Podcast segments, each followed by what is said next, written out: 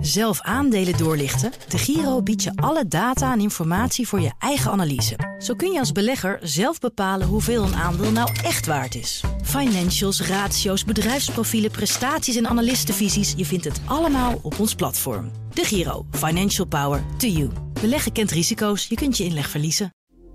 Dit is een BNR-podcast. Doorgelicht wordt mede mogelijk gemaakt door de Giro. Financial Power to you.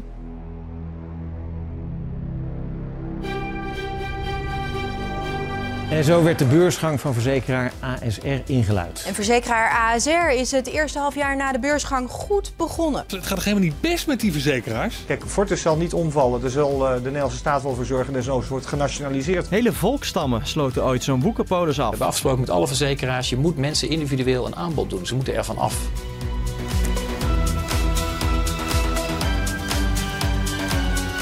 Het is de oudste verzekeraar van het Europese vasteland, ASR. In deze aflevering van Doorgelicht richten wij de schijnwerper op de Nederlandse verzekeringsgroep, zodat jij als belegger kan bepalen wat een ASR-aandeel nou echt waard is. We vertellen je het verhaal achter het bedrijf en we geven je een fundamentele analyse. Ik ben Nina van den Dungen, naast mij zoals altijd analist en vermogensbeheerder Jim Theo Boering van Eén Vermogensbeheer. Welkom Hallo terug. Nina. Hallo. ASR dus zeker niet vrij van controverse. Hè, de woekerpolissen, we hoorden het al. Heb jij ooit zo'n woekerpolisje afgesloten? Nou, geen officiële, maar ik heb wel eens gekeken naar een polis van ik dacht van, 8% administratiekosten. Het uh, kan schijnbaar allemaal, maar daar had ik wel eens wat scherper op kunnen zijn. Overigens geldt dat natuurlijk voor heel veel mensen die hem afgesloten hebben ook. Ja, precies. Heb jij het in je portefeuille als vermogensbeheerder of gehad? Jazeker, we hebben uh, aandelen ASR al heel lang in portefeuille. Hmm. En uh, dat betekent dus ook dat ik waarschijnlijk wat positiever ben over ASR dan misschien zou moeten voor om volledig objectief te zijn. En dat is denk ik ook iets waar, we, uh, waar de luisteraars vooral rekening mee moeten houden. Is dat wij geen advies geven. Dat je zelf je huiswerk moet doen. Dat we wel handvaten geven om een idee te krijgen over bijvoorbeeld ASR. Ja. Uh, maar dat het zeker geen adviezen zijn. En ook dat uh, de rendementen uit het verleden geen garantie bieden voor de toekomst. Nee, precies. Wij geven nooit beleggingsadvies. Sowieso uh, iedereen die dit luistert, die is waarschijnlijk al aan het beleggen. Maar het is toch altijd goed om te benoemen dat beleggen gewoon risico's met zich meebrengt. Je geld kan natuurlijk minder waard ja, worden. Zeg ik wel meteen erachteraan dat tegenover dat grote risico moet natuurlijk ook goed of beter rendement staan dan wat je op de spaarrekening krijgt. Ja. En wat wij weten, en daar maken we de uitzending ook, beleggen is ook ontzettend leuk. Precies. Nou, en we geven je dus informatie over je favoriete aandelen en bedrijven, zodat je zelf een beleggingskeuze kan maken. Tijd voor de geschiedenis van ASR. Ja, ik zei al dat het de oudste verzekeraar is van het Europese vasteland. Het is ook de op één na oudste ter wereld. Het bedrijf, of beter gezegd het fundament van het bedrijf zoals we het nu kennen, dat wordt gelegd in 1720 onder de naam Stad Rotterdam. De eerste verzekeringen die je er kan afsluiten zijn vooral voor zeeschepen, maar je kan er bijvoorbeeld ook terecht voor brandschadeverzekeringen. Het is wel heel lang geleden natuurlijk en voordat de naam ASR om de hoek komt kijken zijn we ook alweer bijna 300 jaar verder. Dat gebeurde namelijk pas in 1997. Op dat moment doet de stad Rotterdam twee overnames, namelijk van Europese verzekeringen en van de Amersfoortse. Tezamen vormen zij de ASR Verzekeringsgroep en de A staat dan voor de Amersfoortse en de SNR staat voor de stad Rotterdam. En in 1997 dan worden er natuurlijk al lang niet meer alleen maar scheeps- en brandverzekeringen aangeboden. Je kan er terecht voor bijvoorbeeld arbeidsongeschiktheidsverzekeringen, een motorrijtuigverzekering, levensverzekeringen, hypotheken en nog heel veel meer. Door deze grote overnames en de uitbreiding neemt de winst flink toe van het bedrijf van bijna 157 miljoen gulden in 1996 naar bijna 225 miljoen in 1997. Ziet er dus eigenlijk best wel goed uit voor de verzekeringsmarkt. Eind jaren 90, de omzetten en de winsten die stijgen. De balanstotalen die groeien goed door. Maar het lukt ASR maar niet om flink uit te breiden. Door het eh, openstellen van de Europese interne markt is de concurrentie vanuit het buitenland een steeds groter probleem aan het worden, ook voor ASR. Maar CEO Carlo de Zwart heeft wel een idee. Hij gaat gewoon meeliften met een grote internationale speler. In 2000 is dat de Belgische financieel dienstverlener Fortis. Die kennen we natuurlijk, Jim. Fortis die kwam ook langs in uh, de aflevering van Doorgelicht over ABN AMRO. Maar wat voor rol speelde Fortis hier precies bij de overname van ASR? Nou, Fortis, dat was toen vooral een uh, grote Belgische bankverzekeraar. Die beloofde dat ASR een centrale plaats in de verzekeringstak van het bedrijf zou krijgen. Er werd een bod gedaan en daar komt hij op alle aandelen ter waarde van 4,1 miljard euro. En dat was 23 keer de winst. En dat is echt wel heel stevig bij een overname van een verzekeraar. Normaal gesproken is dat misschien een keer 15, 16 keer de jaarwinst Hm. in de branche dan. Eh, ze waarderen vaak ook nog wat lager op de beurs. En nadat ASR onderdeel van Fortis wordt, dan laten Fortis aandeelhouders dan ook hun afkeur wel merken. Want de koers van Fortis die daalt op dat moment met 7%. Hm. Nou, de bestuurders van Fortis die stonden eerder bekend eh, als zeer zuinig en voorzichtig. Dus dit hoge bod op ASR, dat was best vreemd. En er was al lang een eh, strijd rondom ASR gaande. En ASR die werd echt gezien als een eh, ja, marktvechter en kostenefficiënt bedrijf. Ja. Dus ze wilden het voor graag hebben. Precies, ja, dat is eigenlijk best vreemd hè, dat er dan zoveel betaald is. ASR wordt met zijn 2400 medewerkers neergezet naast AMEF. Dat is de Nederlandse verzekeringspoot van Fortis.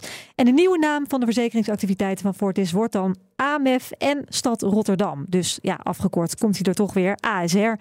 Carlo de Zwart, de ASR-CEO, wordt de hoogste man binnen die nieuwe verzekeringspoot.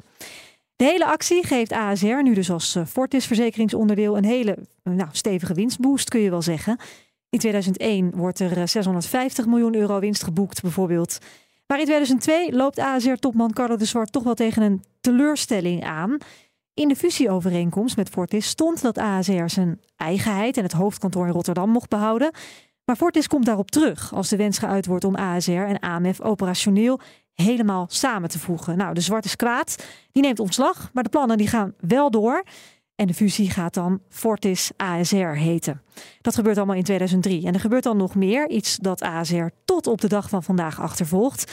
De Autoriteit Financiële Markten, de AFM, die komt met een rapport over beleggingshypotheken. En daarin staat dat een gemiddeld huishouden met zo'n type beleggingsverzekering 55% kans heeft op een restschuld. Later blijkt dat meer beleggingsverzekeringen die verzekeraars aanbieden toch niet helemaal zuiver zijn.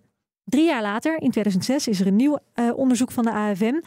Daaruit blijkt dat de helft van de 7 miljoen beleggingsverzekeringen die in de jaren 80, 90 en begin jaren 2000 werden verkocht, ja, eigenlijk zelden het rendement opbrengen dat aan klanten was voorgespiegeld. Daar krijgen de media, waaronder het onderzoeksprogramma Radar, lucht van. Wat zijn de verzekeraars die het meest genoemd worden? En dat zijn er een heel aantal. We hebben er eigenlijk acht geselecteerd in eerste instantie die eh, vooral genoemd werden. Eh, daaronder behoren Egon, Nationale Nederlanden, eh, Fortis ASR, eh, Allianz, AXA. Ja, hij zit erbij. Het schandaal wordt al snel de Woekerpolis-affaire gedoopt. Er volgen collectieve procedures tegen verzekeraars. Maar voordat daar duidelijkheid over komt, gebeurt er nog iets veel ingrijpenders voor Fortis ASR. Een unieke operatie van de Nederlandse regering en de Nederlandse bank. ABN AMRO en Fortis Nederland zijn nu van de Nederlandse staat. Overgenomen voor maar liefst 16,8 miljard euro. Ja, Fortis wankelt door de wereldwijde kredietcrisis in 2008.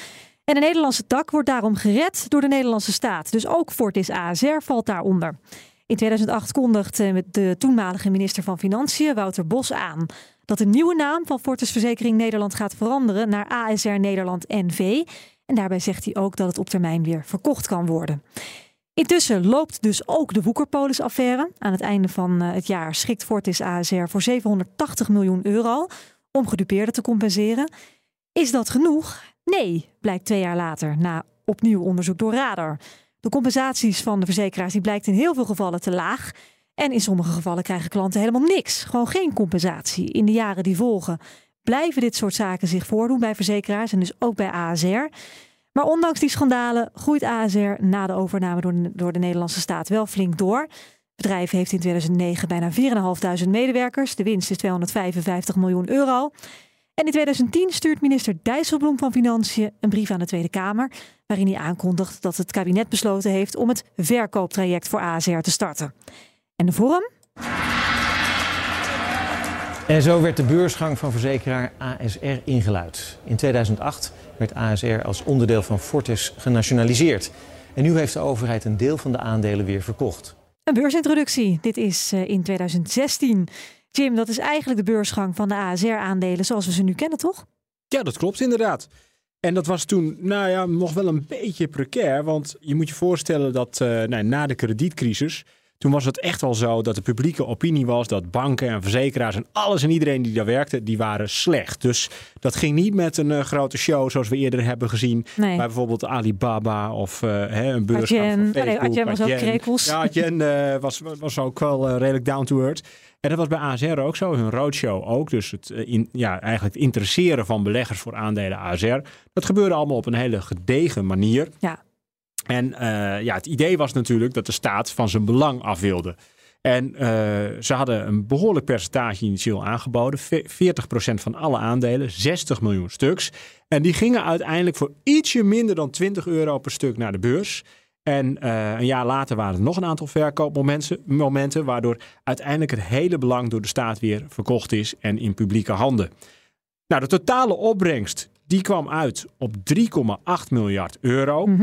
De staat betaalde in 2008 3,65 miljard. Dus er was een, beetje, winst. Klopt. Ja. Maar tussentijds is natuurlijk ook ieder jaar gewoon de winst te goede gevallen aan de, de Nederlandse regering. Dus Ja. bij elkaar hebben ze gewoon zo'n 50% rendement op hun investering gemaakt. Dus niet slecht van de Nederlandse overheid. Nee. En uiteindelijk goed voor het bedrijf ASR, voor de klanten van ASR. En voor ons. Tegenwoordig ook weer voor de beleggers. Ja, precies. Eind 2017 is ASR dus weer eh, volledig in private handen. Tegelijkertijd begint het bestuur steeds meer te kijken naar nieuwe overnames. Bijvoorbeeld verzekeraar Generali Nederland wordt overgenomen, waarmee ASR er in één klap 200.000 klanten bij krijgt. Eind 2018 volgt verzekeraar Loyalis, waardoor er nog eens vijf- eh, 450.000 eh, verzekerden bij komen. En in 2020 komt pensioenverstrekker Brand New Day er ook nog bij. Maar de echt grote overname van ASR die volgt nog een paar jaar later. Dat is die van de Nederlandse activiteiten van verzekeraar Egon. In 2022 doen ze een bod. En in 2023, ook eh, het jaar waarin wij dit opnemen, november 2023, wordt het uiteindelijk echt overgenomen voor een fix bedrag, hè? Jazeker, 4,9 miljard. ASR heeft dat bedrag ook eh, niet direct beschikbaar. Wordt een deel betaald in contanten, eh, deel eh, in, via een aandelenconstructie. Mhm. En er moet ook nieuw geld worden opgehaald door in dit geval in de vorm van leningen. Ja, nou al die overnames die spekken wel de kas.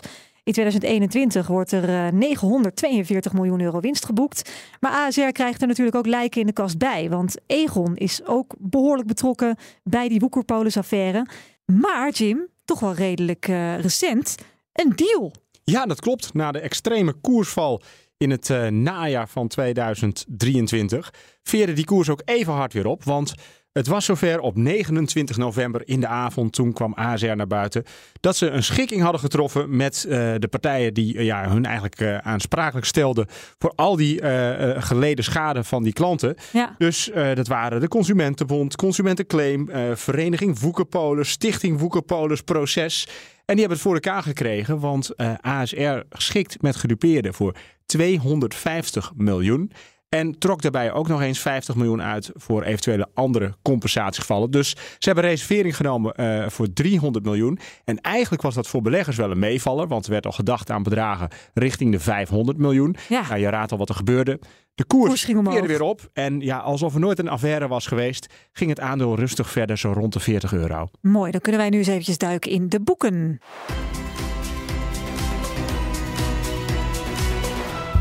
En dan beginnen we natuurlijk zoals altijd met de SWOT-analyse, de strengths, de weaknesses, de opportunities en de threats. Ja, nou, eh, ik ben eh, zelf zeer te spreken over het management, wat daar ook al eh, lang zit. Krachtig punt, betrokken management met oog voor de medewerker, maatschappelijk oog ook en natuurlijk ook oog voor de klant. En die klant die biedt dus ook een breed scala aan verschillende verzekeringsproducten aan en fin- financiële diensten ook. En dat zorgt dus voor ja, inkomstenstabiliteit eh, bij ASR. Dat is eigenlijk het mooie dat je altijd al weet van nou die premies uit verzekeringen die gaan binnenkomen. Dus een relatief stabiele omzet.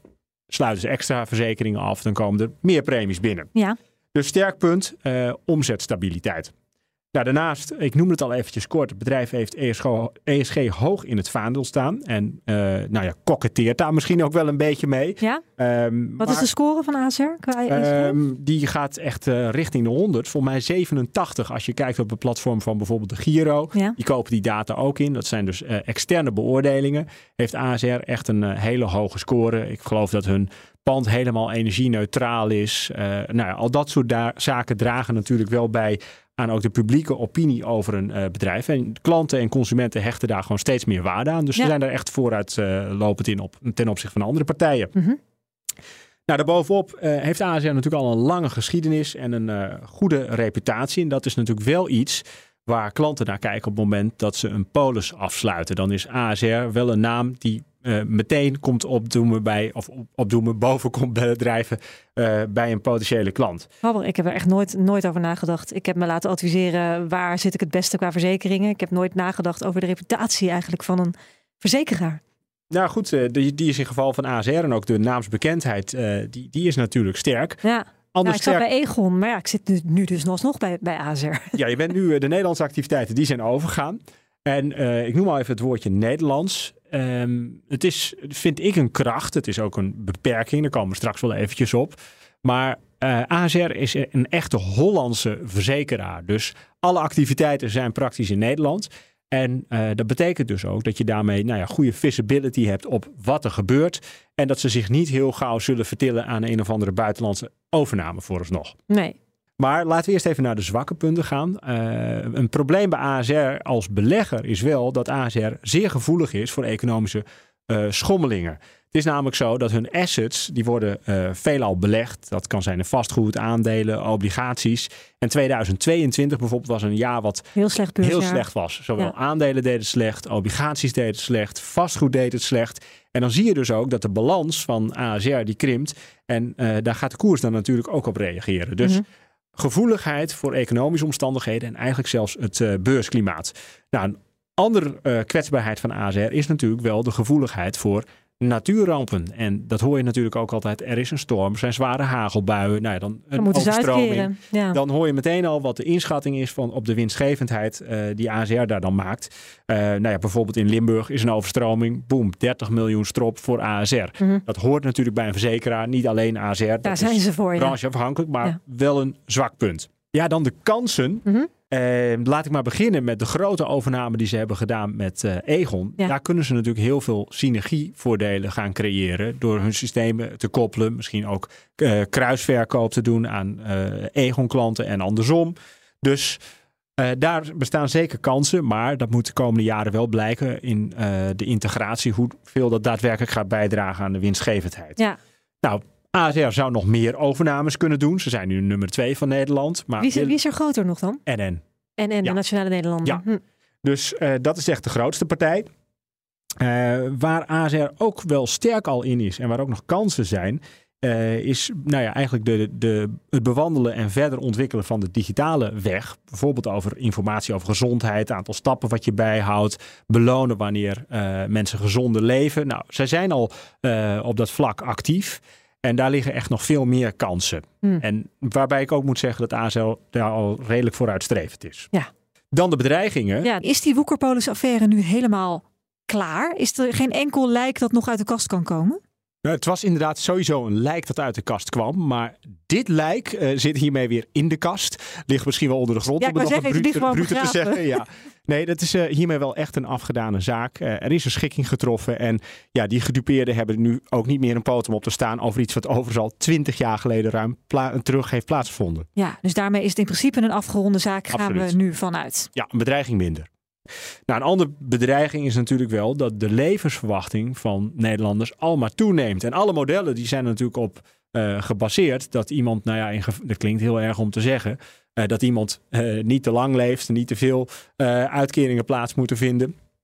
Dus dat dat een modellen businessmodel is ja, het eigenlijk ja. van, de, van, de, verzekeraars. Nou, het is puur mathematisch. Er wordt berekend ja, van je, je, hoe groot is het risico dat er zich iets gaat voordoen. Wat zou dan de uitkering zijn? Oké, okay, dan moeten wij zorgen dat we meer aan premieinkomsten hebben. Ja, nou, klopt. Dat doet ASR overigens heel goed. Daar kom ik zo meteen nog wel eventjes op. Dan doen we de combined ratio. Mm -hmm. Hoeveel moet er nou daadwerkelijk worden uitgekeerd? Uh, en wat blijft er uh, zeg maar Onderaan over? de streep over, ja. en die ligt uh, ietsje boven de 90. Nou, onder de 95 wordt over het algemeen gezien gezien als goed. Mm -hmm.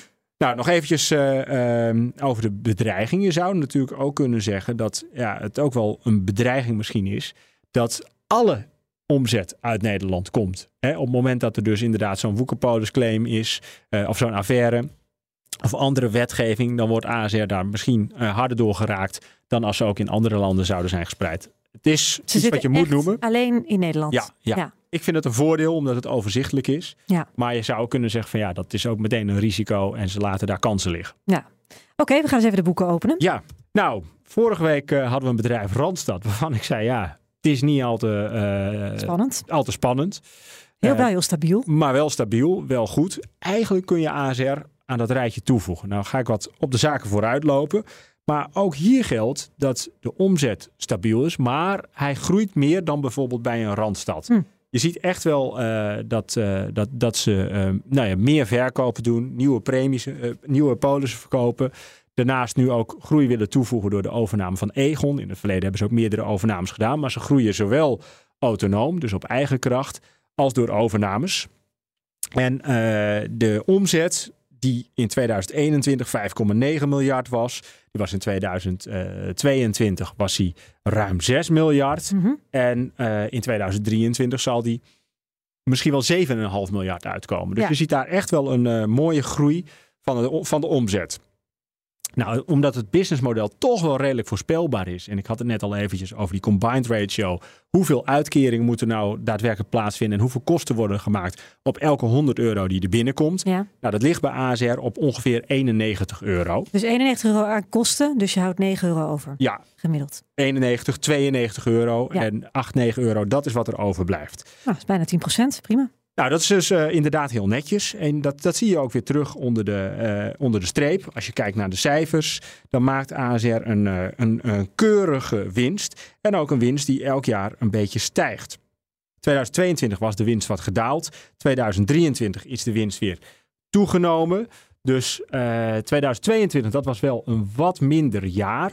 Maar als je gaat kijken, dan zie je bijvoorbeeld dat over 2023 die winst richting 5 euro per aandeel gaat. Dat is netjes. Als belegger krijg je 45 tot 55 procent daarvan terug. Ja. Dus zeg maar even voor het gemak de helft. Mhm. Vorig jaar kregen eh, beleggers die kregen 2,75 euro aan dividend. Eh, dit jaar is de verwachting dat de winst richting de 3 euro gaat, 2,90 euro.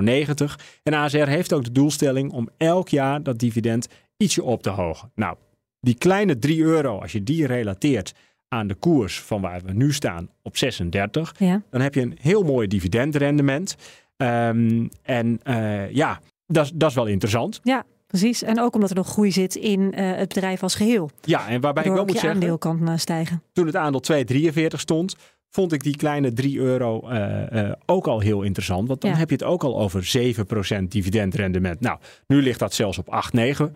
En eh, dat is wel een hele belangrijke eh, om in de gaten te houden als belegger ook, zeker bij zo'n ASR.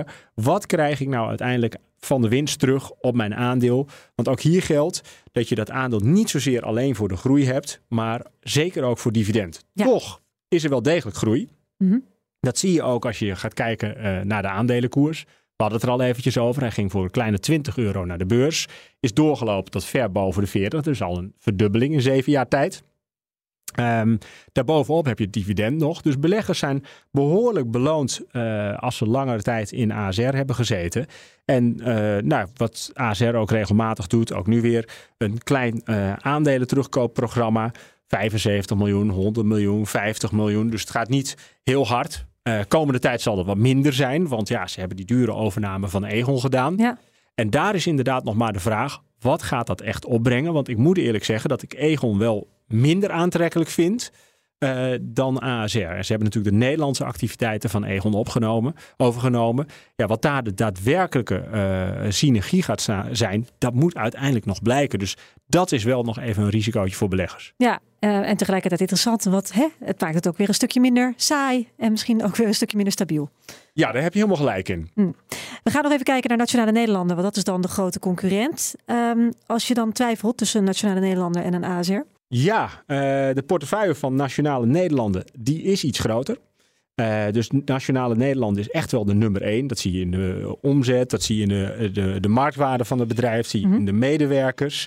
Eh, als je kijkt naar de waardering, dan liggen ze ook redelijk in lijn met elkaar. Ook als je kijkt naar het dividend wat ze geven. Dus beide zijn wel, denk ik, prima bedrijven. Waarbij ik uh, ASR wat overzichtelijker vind, iets compacter, management wat er lang zit. Dus ik geef de voorkeur aan ASR. Ga je nog internationaal kijken, dan zou je terechtkomen bij een uh, Allianz. Dat is echt wel een veel grotere verzekeraar nog. Ja. die hebben een omzet uh, die nou, volgens mij 150 miljard is. Is dat een Duitse speler? Ja. En dan ook als je kijkt naar, naar de marktwaarde, die is ook richting de 100 miljard. Dus dat is echt wel een Andere veel groter bedrijf. Maar als ja. je daar kijkt, dan zie je dus ook dat het nou, minder aantrekkelijk gewaardeerd is dan de Nederlandse verzekeraars. Want je betaalt vaker de winst, je krijgt een lager dividendrendement. Dus ja, ik zou dan toch uh, als belegger eerder kijken naar de Nederlandse verzekeraars. En misschien kom je dan uit bij ASR. Gaan we eens even naar een conclusie.